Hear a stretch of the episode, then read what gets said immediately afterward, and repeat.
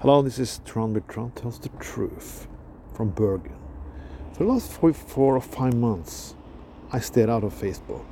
I, the only social media I've been on is Twitter, sometimes LinkedIn. After the election in September, I had to get away. I was tired. 30 years of politics has been annoying and dragging on. It's been horrible, really. I lost everything. I invested everything and was put out in the cold.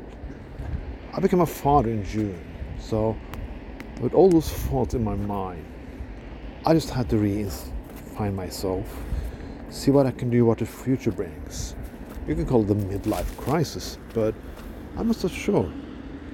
After I gave away from Facebook for so many months, I really found out that Facebook isn't places we have you real friends. It's okay. It's nothing more. It's more like how you want to show yourself, how you want to lie to the world about yourself.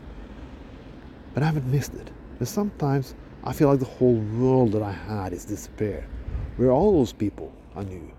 Where are all those friends who once supported me and I supported them? Where are they? It's like when you're not on the social media, you cannot put out, take up your phone and say, Hi, Tron, how are you doing? Or send an email, SMS like we used to. We have more ways of communication than ever, but we still not have the ability to not talk with each other if we not are in the same place as everyone else.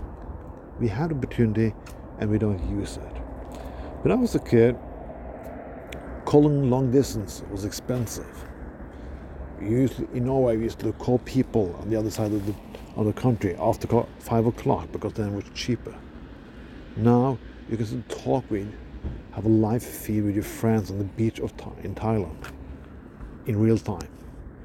Costs you nothing. You just need the Wi-Fi on your local coffee shop or something like that.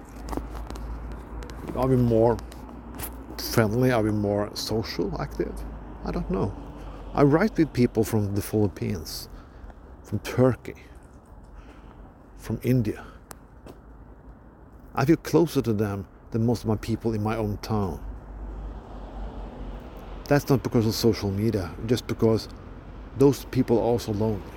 They are lonely in countries have more, way more people than most countries in the world. But we're still lonely.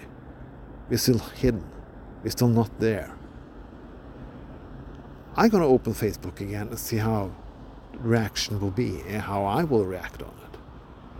But it is sad, really, that communication between people have come to this. That maybe that's what's wrong.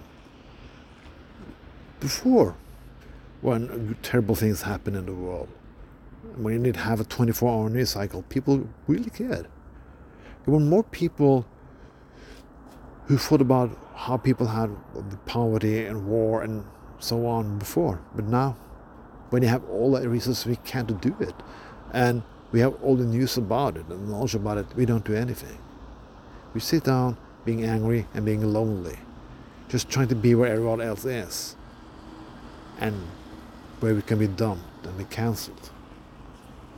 Maybe Facebook isn't the right place. Maybe social media isn't the right place at all.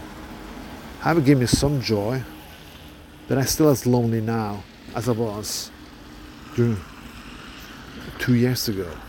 The pandemic was nicer because that brought people together. Now, when people are out of their houses and we can't come together, we are more alone than ever. This was Tron with Tron Truth. Have a nice day.